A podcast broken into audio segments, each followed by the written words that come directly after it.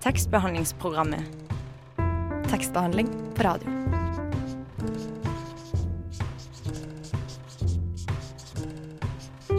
Tekstbehandlingsprogrammet.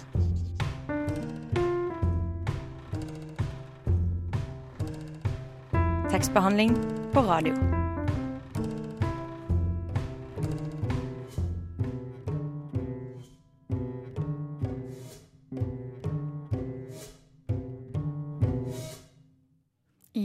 Velkommen til en time med tekstbehandling her på Radio Nova denne onsdagen. Jeg heter Stine Spjelkvik Hansen, og med meg i studio så har jeg August Tekerø. Ja, hei, hei. Hei. August er ny i tekstbehandlingsprogrammet, så om litt tenkte jeg vi skulle ta noen fem kjappe. Men først tenkte jeg å skulle si hvem dagens gjest er, som vi skal snakke med om litt. Nemlig Tora Sand eh, Døskeland, som har debutert med prosadikt i eh, Behold meg. Får vi snakke litt eh, med henne om både sjanger og tema, innhold osv. Men først, August. Hei. Har du en litterær guilty pleasure? Det spørs jo litt hva, hvordan man definerer en guilty pleasure, da, men eh, jeg tenker at det er litt sånn, litt sånn cringy eh, som man liker, og da må jo det bli eh, David eh, Leviathan og eh, The Lovers Dictionary. Det er litt sånn klissete, og, men det er søtt. Det er fint. Så guilty pleasure der, altså. Men det er noe du absolutt ikke leser. Jordan Peterson. Ja, det hørte vi jo forrige uke. Ja, jeg hørte på lydboka, så Eh, hva leser du helst? Um, også det jeg leser helst, altså det har blitt mye filosofi eh, opp gjennom tida. Mye fordi jeg går eh, et, eh, et eh, eh, hva heter et studie som krever det, men også fordi jeg har, har, har en forkjærlighet for, for filosofi og tenker, eh, tenker og sånn. Så det, det blir jo det. Og så skjønnlitterært, eh, selvfølgelig. Den elsker jeg. Ja, hva var det siste du leste? Det siste jeg leste, det var eh, Canada Dry av Bendik Wold. Han ga ut den akkurat nå. Den var kjempebra. Ja, og så lurte jeg på, som det siste av de fem spørsmålene for å bli kjent med deg, hva vil du anbefale lytteren i dag? Nei, siden jeg leste Canada Dry sist, så vil jeg faktisk anbefale den. Den var eh, overraskende moro. Eh, kanskje litt eh, eh, Hva skal man si? Eh, han prøver litt hardt noen ganger, men den er absolutt verdt å få med seg også. Ja, Og så er det også eh, navnet på favorittbrusen min. Eh, Favorittbrusen min, enkelt, det er Solo på glassflaske. Ja, og min er da Can- Canada Dry. Eh, og det var kanskje nok om oss. Eh, straks får vi inn eh, dagens gjest, Tora Sanddøskland Eh, men før det, Hilma Nicolaisen med 'Election Day Blues'.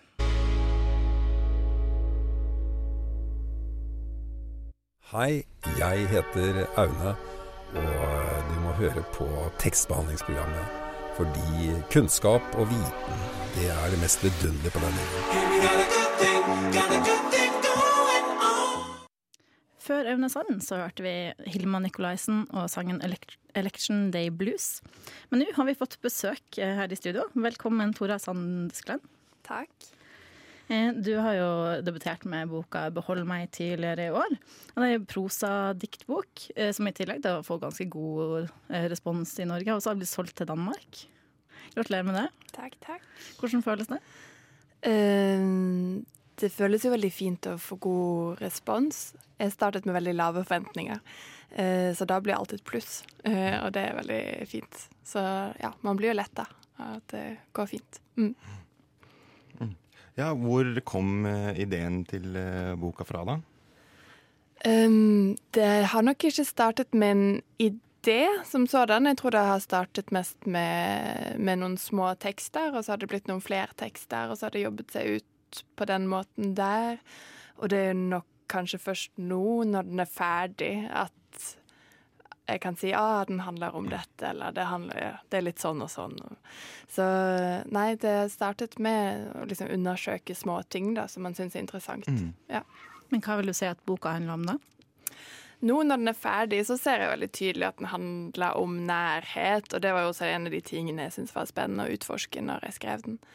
Eh, Så på mange plan, da. Altså både nærhet til natur og nærhet Eller problematikken med å være veldig nær et annet menneske. På hvilken måte er da? Altså, personen i boken har jo behov for et sånn nesten kvelende nærhetsforhold, uh, og kan ikke skjønne hvor den grensen går, da. Uh, og det syns jeg var interessant å utforske. Altså hvor nær kan man bli en annen før den andre forsvinner. Um, ja, hvordan eh, Altså, du var jo litt inne på det, men det er jo litt sånn scrapbookete, kanskje, sånn eh, det kom fram til. Men hvordan er det du egentlig har jobba med den, da? Du starta jo med noen enkle ideer, og så gjorde du det ferdig, eller? Eh, ja, jeg starta med noen tekster, og så skrev man noen flere tekster. Så bygga prosjektet seg ut, og så krympa det litt igjen. Og så begynner man jo å leite etter hva er det som er nerven her, eller hvis dette skal stå kan dette da også stå? Nei, kanskje ikke. Og, og finne en eller annen linje. Men eh, jeg vil jo si at det har blitt én kronologi, og det har jo jobbet mot uh, størstedelen av veien òg. Men det er overhodet ikke sånn at den første teksten i boken er den første som blir skrevet. Da. Mm, mm. Ja. Over hvor lang tid har du jobba med den? Jeg har jobbet med den i hva er det, ett og et halvt år, samtidig som jeg har gjort tusen andre ting. men men jo, det tar tid. Mm. Føler du at du har fått betaling for det nå i ettertid, når boka har kommet ut? Ja, både når den kommer ut, men egentlig også underveis. Altså, det er jo det å sitte og fikle med språk og jobbe og kjenne at OK, der satt det kanskje, og, og den setningen skal stå, da. Eh, det er jo det som liksom er de små gevinstene, og det å gi den ut, det er jo liksom deilig, og man er ferdig, men eh, så mye hurlumhei er du heller ikke rundt det at det liksom, man kan leve på det i en evighet. Man må like det å sitte med det, tror jeg. Ja. Mm. Har du vært veldig spent på mottakelsen? Uh, nei, som sagt så har jeg liksom hatt sagt til meg selv at jeg ikke skal forvente en dritt. Uh, og da er ikke man så spent, så tenker man bare at ting er fint. Men litt spent er man selvfølgelig alltid. Ja. ja. Vi skal snakke mer om boka om ganske straks, men først eh, 'Ville Tuv' og 'Det blåser ingen vinner'. Og den er en sang som du har valgt. Hvorfor har du valgt den? Eh, jeg syns bare at Vilde Tuv er helt eh, fantastisk fet. Og så har hun noen fine tekster, syns jeg. Ja. Det er grunn nok i massevis. Det var Ville Tuv. Det blåser ingen vinder. Eh, vi har fortsatt besøk av forfatter Tora Sandeskland her i studio på Radio Nova. Og vi har starta med å snakke om eh, debutboka hennes, 'Behold meg'. Og nå tenkte jeg du kunne lese litt eh, fra boka for oss. Ja, det kan jeg gjøre. Skal vi se om vi finner frem her, da. Sånn. Vi legger oss ned i duggresset, der hvor magnoliaen kaster skygge vi betrakter brudeparet, hvordan de stilles opp på bildene. I denne parken er det alltid brudepar og folk som ler av dem. Jeg er utenfor utsnittet bak fotografen, den flate kjærligheten i parken. Fukten trekker inn i dongerien, en kvinne arbeider fordi hennes arbeid innebærer beskjæring av busker. Jeg trekker hånden til meg på vei hjemover, slik at det ikke er mulig å avvise den gjentar en uvane, snurrer håret mellom pekefinger og langfinger, tvinner hårstråene, starter forfra, en øvelse i å sette fast fingrene. Han griper hånden min og ber meg om å slutte. Han sier snart er det ikke mer hår igjen på det hodet, du ligger strødd utover hele parken. Hvor skal jeg gjøre av hendene? Sett deg på fingrene, sier han, så vet du hvor du har dem. Han sier ikke gi følelsene navn, du finner dem opp på den måten, trenger du fler? Jeg sier det føles som et råttent frø, nei, det føles som elven idet den tipper over fjellsiden og blir foss. Det føles som om alt jeg peker på, flytter inn. Pappa sier han minner om meg selv før jeg fikk deg. Ja. Takk skal du ha. Hva var det du leste nå? Mm, nå leste er litt fra midten. Eh, det er jo et forhold som vi følger her. Eh, og det, det, er jo det man kanskje kan da, når det er poetisk at ja, det er sånn at det er så veldig handlingsdrevet, som man vender liksom tilbake til de samme bildene flere ganger. Eh, og her er det jo denne igjen med nærheten også, og avvisningen. og denne parken, da. De oppholder seg en del i sånn en del begrensede naturrom. Eh, både akvarier og parker og hager som går igjen. Ja. Altså, du skriver mye om eh, nærbilder i boka, og det, det er mye kropp. Eh, og kanskje også kjærlighet. Eller kanskje et ønske om, eh, om kjærlighet. Da. Og hva slags sammenheng tenker du at det er mellom de to, kropp og kjærlighet? Det tenker jeg jo er det denne personen ikke har forstått. Eh, og jeg er heller ikke helt sikker på om det er kjærlighet hun vil ha. Uh, det er mer en sånn uh, tilhørighet. En bekreftelse fra andre. Ganske konstant bekreftelse. Og jo, det kan man kanskje få gjennom kjærlighet. Men eh, jeg vil ikke si hun er så romantisk anlagt. Men kroppen blir jo da den eh, muligheten man har til å være veldig nært et annet menneske, iallfall fysisk. Og den grensen utforsker hun, og hun skjønner kanskje heller ikke forskjellen mellom kroppslig nærhet og det å være nær sånn emosjonelt. Altså det å være nær hud blir oversatt til å være nær. Ja, Du har jo kanskje egentlig svart på det, men, men hvorfor blir det liksom så mye kropp og intimitet i, i denne boka? Og skriver du alltid sånn, eller er det, er det denne boka som er på en måte det? Um, jeg syns jo Boken starta jo med, med en slags nærsynthet som jeg har prøvd å holde gjennom hele, og da er det et slags fokus på de små tingene. Altså er, og da blir det fort kroppen. Det er liksom den man ser på selv. Og samtidig, når man har å gjøre med en karakter som er såpass selvbevisst, øh, så er man også selvbevisst over egen kropp. Men øh, ja, jo, kropp er spennende. Jeg vet ikke om det kommer til å Jeg har nok en hang til det. Men øh, øh, ja, både objekter og hva kroppen kan vise da, av andre ting. Mm. Ja, Kan det bli for nært noen ganger, kanskje? Um, du tenker i teksten eller for karakteren? Ja, generelt, kanskje? Ja, det er jo mye snakk om at det er for mye kropp. Det er jeg ikke enig i, egentlig. Jeg syns det er fint. Og argumentet med at det er for navlebeskuende eller for nærgående, syns jeg er ganske svakt. For jeg syns mange av de Nå snakker jeg egentlig ikke om meg selv, men mange av de unge, gjerne kvinnelige kroppene vi ser i samtidslitteraturen, syns jeg er en tendens på noe som skjer i samfunnet, og det er en tendens på hva man blir bedt om å gjøre med kroppene sine i dette samfunnet. Så det at det er per se upolitisk eller urelevant, er jeg veldig uenig med det sånn generelt, uten å snakke om akkurat min bok. Men ja. Ja, nå skal vi gå videre til enda litt mer musikk. Eh, Denne gangen Jenny Wahl og Spels. Eh, Hva er det med denne låta, da? Eh, Jeg har bare hørt den mange ganger. Syns Jenny Wahl skriver gode tekster og ha en fin stemme.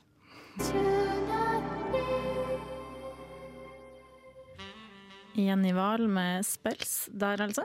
I tekstbehandlingsprogrammet snakker vi fortsatt om Behold meg, debutboka til Tora Sandeskland her i tekstbehandlingsprogrammet på Radio Nova. Eh, vi snakka også litt eh, om det kroppslige før denne sangen.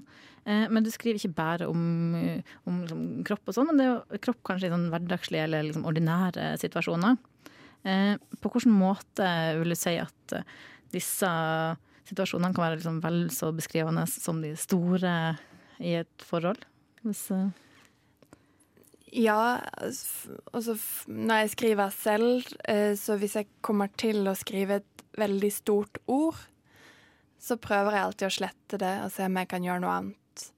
Hvis det står savn eller elsk eller evig eller Og så er det kanskje noen av de som blir stående, men, men den forsøket på, på å finne det spesielle, eh, som er mye mer sigende ofte, da, eller som ofte beskriver den situasjonen man, man vil ha fram på en mye mer eh, OK måte. Ja. ja, ødelegg, på en måte, hvis du hadde skrevet 'elske', da. Eh, Ødelegg det teksten? Nei, det spørs jo hvordan man gjør det, og hvem og, og hvordan.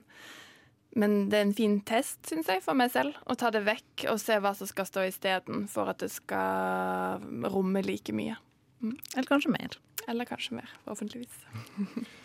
Eh, I boka di er det jo flere ting som går igjen. Eh, blant annet eh, denne bruken av metaforer som involverer som frø og groing og spiring og sånn. Er, er dette egentlig en bok om å vokse? Ja, eller om å råtne, kanskje.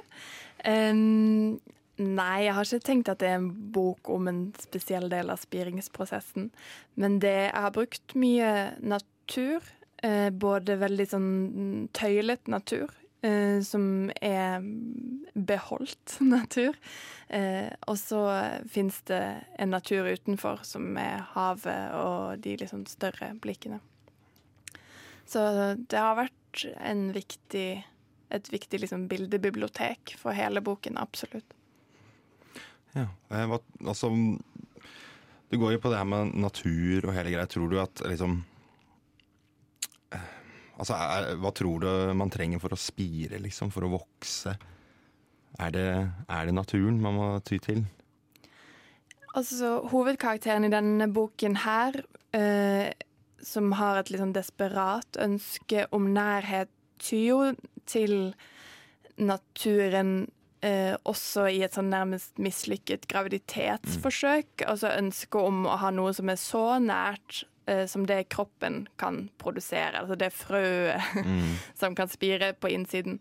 Eh, så er jo ganske underspilt eh, del av boken, men som allikevel finnes der som mulighet. Og den fins jo i eh, den nærheten man kan ha til natur. Og så fins det jo kanskje også et slektskap og en trøst i min natur hvis man ikke får den fra de rundt. Mm. Mm. Tror du at naturen er undervurdert? i uh, denne boken her, eller generelt? Eh, generelt, kanskje? uh, den er vel begge deler. Den er jo enormt uh, undervurdert og overvurdert.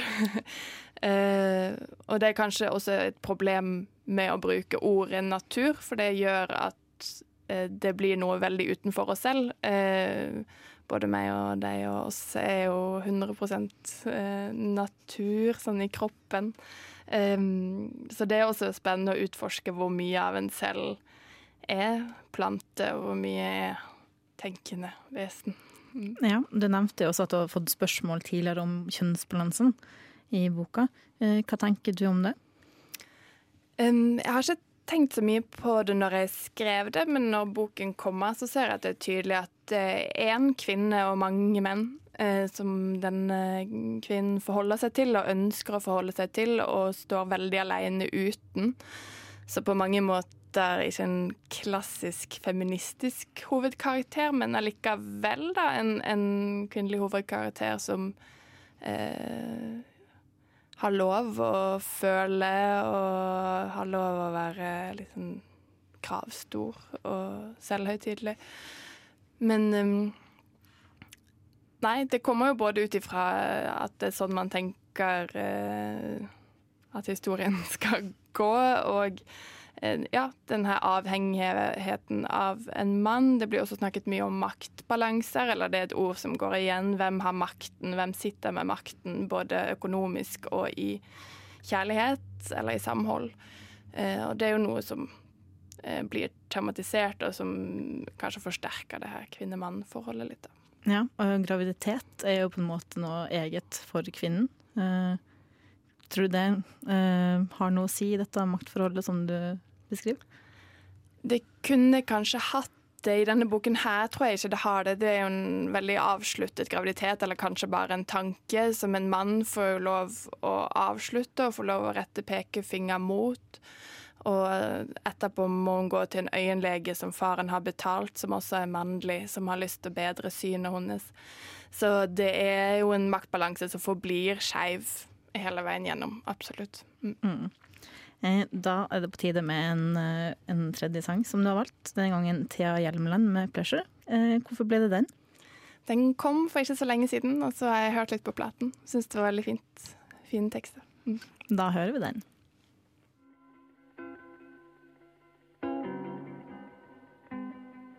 Vi har spilt veldig mye fin norsk musikk i dag. Blant annet denne låta som heter 'Pleasure' av Thea Hjelmeland. Eh, Tora Sand Nøskland, som er på besøk her hos oss, skal eh, nå lese litt fra debutboka 'Behold meg'. Ja. Pappa tok meg med i begravelser. Et bånd mellom meg og ham. Fjerne slektningers dødsfall. Turen over fjellet, den mørke dressen dinglende på en kleshenger i baksetet. I bakspeilet ble dressen en slapp person. De uforutsigbare fjellovergangene Tissepausene, den stødige sirkelen han formet med hendene. Hvordan jeg kunne falle ned i hendene med rumpen først, tisse hvor som helst. Vi delte en pakke pepitakjeks, delte kjeksen i to og skrapte vaniljekremen løs med fortennene. Dårlige hjerter går i familien. Den siste delen av min barndom i fremmede menneskers begravelse, alltid de små, hvite kirkene ved fjellene, skarpe avkjørsler.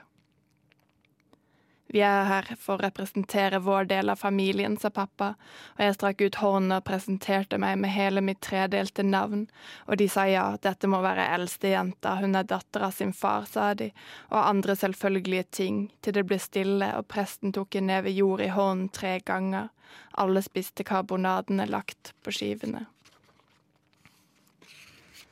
Menn i livet mitt, makrell i tomat, metallboksene, lukten rundt munnen godnattkysset, hytteturene, den trygge lukten av fisk mellom fingrene, metallboksene som ingen vil skylle, de blir stående, fisketungen mellom leppene.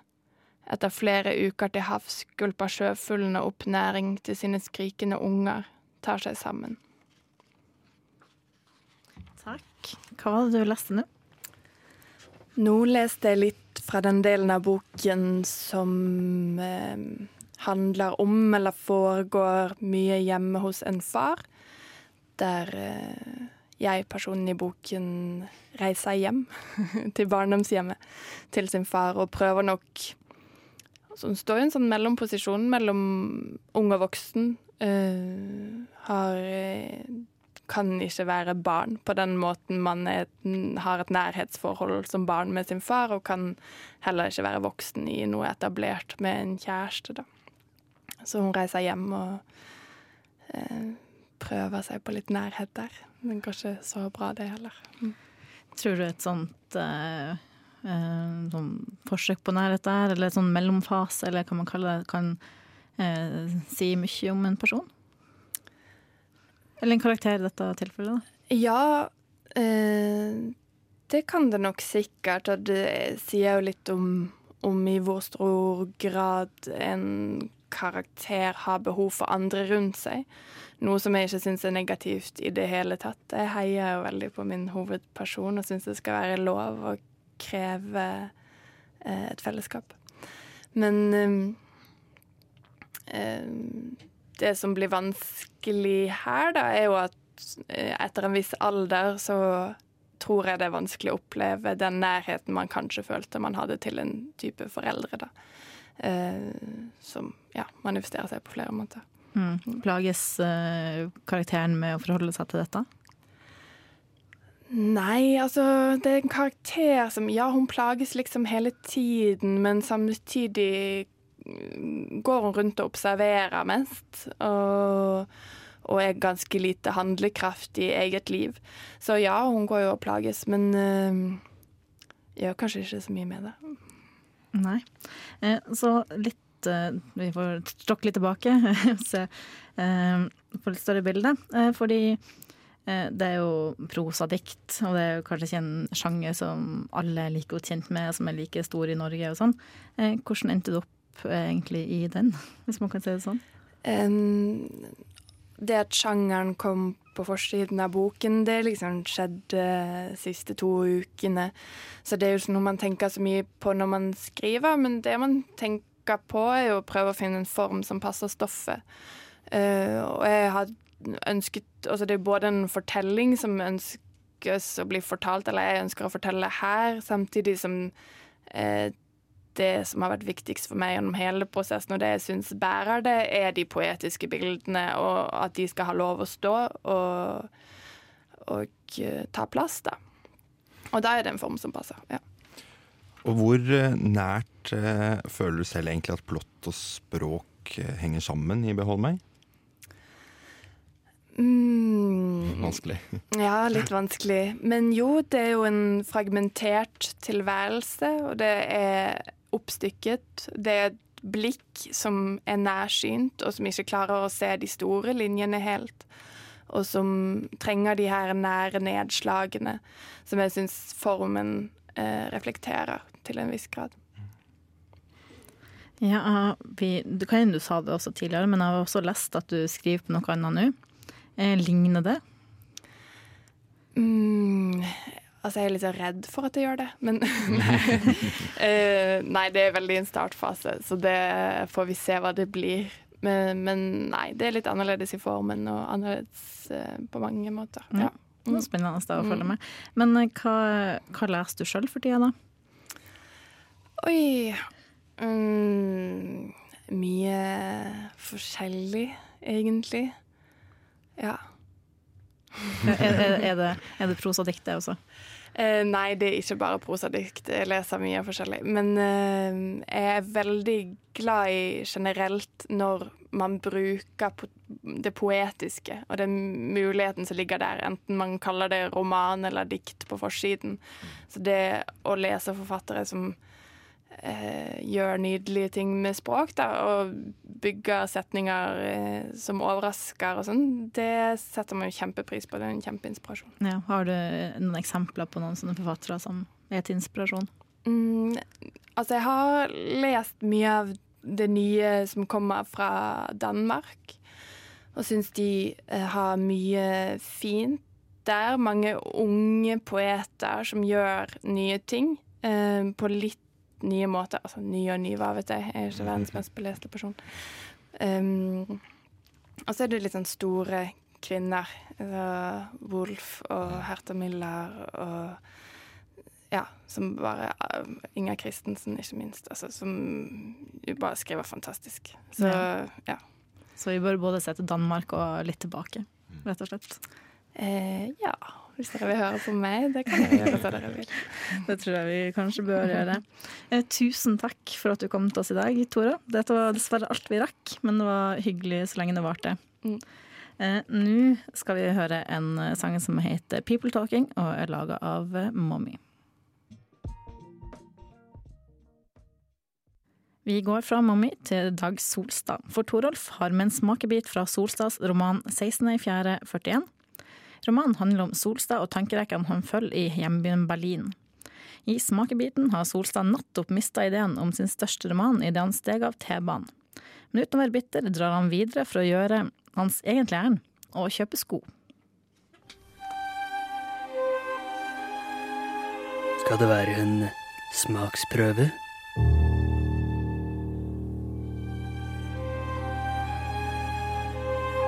Kanskje du vil eh, smake på litt verdenslitteratur? Kanskje du vil smake på litt tekst?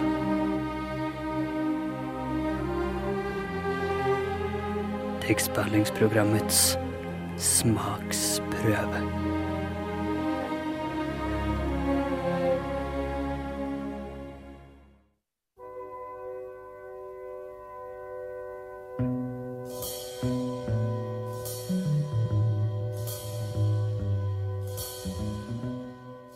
Jeg avfeide min skuffelse som nytteløs, og min lengsel som urealistisk, og så på mine uttråkkede sko. Jeg var kommet hit til Wittenbergplatz for å kjøpe nye sko. Jeg strenet følgelig mot KDV. Sola hadde ikke opphørt å skinne. Det var en vedvarende mild dag. Uansett årstid og uten de omskiftninger i været som Berlin er så kjent for. Jeg gikk inn på KDV gjennom inngangsøra på Tauentzienstraße da kommer en mann inn i en stor, praktfull hall, hvor det glitrer i lysekroner og blinker i store sølvfat. I enden av denne enorme hallen er det en bred, majestetisk rulletrapp. Mot denne gikk jeg. Jeg stilte meg i trengselen av mennesker og lot meg frakte via disse rulletrappene opp gjennom andre etasje, like til den kontinentale sjuende etasje, norske åttende etasje. I den kontinentale sjette etasje ligger for øvrig den berømte matvareavdelingen, som tiltrekker seg tusener av turister hver eneste dag. Men jeg gikk av allerede i første etasje, og beveget meg innover i avdelingen for bekledning for herrer. Jeg fant raskt fram til skoavdelingen. Jeg ble stående og betrakte alle skoene som var utstilt, men jeg begynte å sortere synsinntrykkene. Jeg skulle kjøpe sko, det var derfor jeg hadde forlatt leiligheten min i dag. Skoavdelingen imponerte meg. Ikke fordi den var så stor, for det var den ikke. Eh, stor nok for så vidt, men skoene var stilt ut med respekt. Ikke jålete, som om hvert par representerte et klenodium, men med respekt. Det tyder på kvalitet, og for en mann som meg, som ikke vet så mye om sko, betydde det mye. Det var noen måneder sist jeg var på KDV. Da hadde jeg ikke vært eh, ute etter sko, men en dress. Jeg hadde ikke greid å bestemme meg. Valget sto mellom en lindress fra Boss og en dress fra Ceruti, som var av et så tynt stoff at da jeg prøvde den, måtte jeg trekke på meg buksene like forsiktig som om det dreide seg om keiserens nye klær. Det endte med at jeg kjøpte begge og betalte med gullkort. Og da ekspeditøren ga meg gullkortet tilbake, så slo han meg gemyttlig på skuldrene og sa lykke til, good luck på engelsk. Egentlig skulle jeg vel ha bukket og sagt auf wiedersehen, eh, men han slo meg på skuldrene og sa good luck. I skoavdelingen så jeg bare ekspeditriser i dressavdelingen. Hadde det bare vært ekspeditører. Det merkelige med KDV er at de fleste som er her, befinner seg i rulletrappene eller i heisen. Eller i den kontinentale såkalte stueetasjen. Men inne i etasjene, altså i avdelingene, er det aldri så mange. Heller ikke i skoavdelingen. Jeg var nok nokså alene der jeg gikk, rundt med ekspeditrisene på alle kanter som skottet på meg. Forhåpentligvis så de at jeg var en kunde med utgåtte sko, som følgelig skal ha nye. Jeg betraktet skoene, og jeg tok en sko opp, studerte formen og leste bruksanvisningen. Den var en høyresko i et par som besto av kenguruskinn. Da tenkte jeg at jeg ville kjøpe et i slangeskinn, men eh, det fant jeg ikke. Skulle jeg da tatt til takke med et par i kenguruskinn? Jeg hadde aldri kjøpt slangeskinnsko eh, før. Det var det jeg hadde lyst på. Kunne jeg nøye meg med et par i kenguruskinn da? Jeg var en mann på omtrent 60 år, gråhåret, slitt. Kunne jeg nøye meg med et par sko i kenguruskinn da? Jeg tror ikke det. Men jeg vet ikke. Jeg ble usikker. Det var også et par italienske sko der som jeg likte, men de var på salg. Hvorfor var de på salg? De var billige også, de kostet ikke mer enn 1500 kroner. Hvorfor var de så billigere? Hvor mye kan man egentlig stole på KDV? Og hvorfor fører de ikke slangeskinnsko? Det var det jeg hadde lyst på. De italienske var bare et innfall som jeg falt for fordi de var så billige. Jeg bestemte meg for at jeg ville gå til en annen butikk i stedet. Hvorfor ikke dra på Lafayette, berlinerfilialen av det parisiske varehus, som holdt til i en splitter nyoppført eh, bygning i Friedrichstrasse i Mitte. Jeg dro derfor tilbake til U-banestasjonen på Witner plass, og tok først U2 opp til Zoo, og deretter S-banen, derfra til Friedrichstrasse stasjon.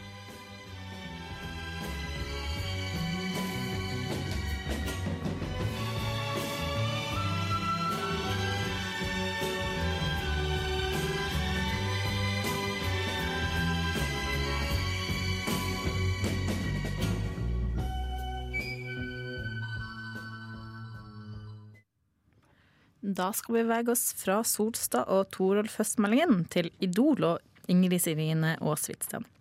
For å kunne forstå nåtida må man evne å forstå fortida, er noe som heter.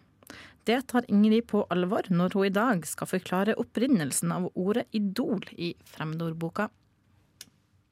Jeg skjønner ikke, jeg. Dette ordet stammer faktisk fra latin. Kan du stave det for meg? Men det er jo helt fremmed. Skjønte jeg faktisk ikke nå. Fremmed. Fremmed. Fremmed. Bruk det i en setning. Skrevet fremmed. Fremmedord. Jeg skjønner ingenting. Men hva betyr det egentlig? Hør her, Ingrid. Jeg slår opp. Hæ?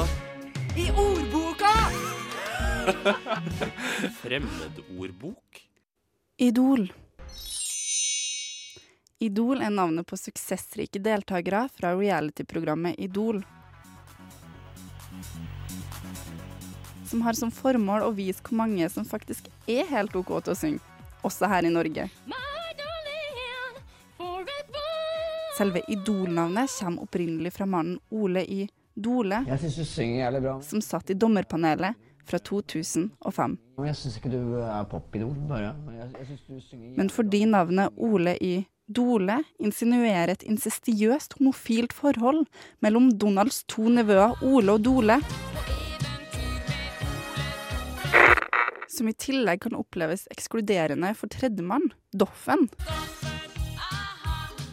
valgte Ole i Dole å dra sammen navnet og uttale det litt fortere, sånn at det heller ble Ole i Dole. Plutselig ligna det på noe helt nytt, et helt nytt ord. Og sånn ble Ole og Dole foreldre til det nye uttrykket Idol.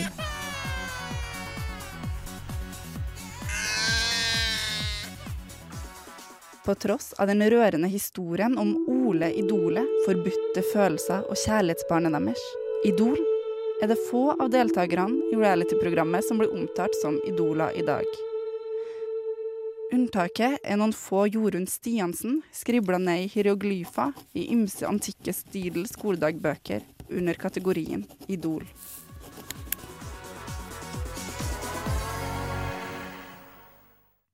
Der ga Ingrid Serinås en grundig innføring i det velkjente fremnordet Idol.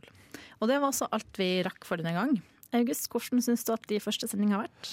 Jeg syns den har gått eh, greit. Vi har hatt morsomme innslag, og vi har hatt en eh, bra gjest. Jeg er helt enig. Eh, Vi er tilbake neste onsdag til samme tid. Og du kan høre både denne sendingen og tidligere sendinger på alle podkast-apper. Og hvis du vil ha med musikken, så kan du sjekke ut tekstbehandlingsprogrammet på radionova.no. Du kan også følge oss på sosiale medier. Der kan du også finne oss under tekstbehandlingsprogrammet. Sånn omtrent. Eh, I studio i dag så var det meg, Stine Spjelkavik Hansen, August Tekre, og tekniker var som vanlig Joakim Foss Johansen. Øvrige bidrag var av Ingrid Serine Hvitsten og Torolf Høstmeldingen.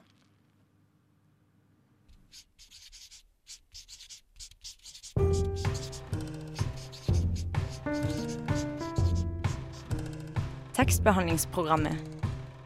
Tekstbehandling på radio.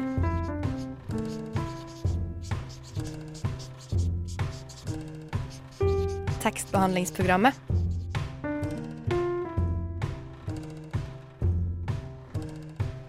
Tekstbehandling på radio.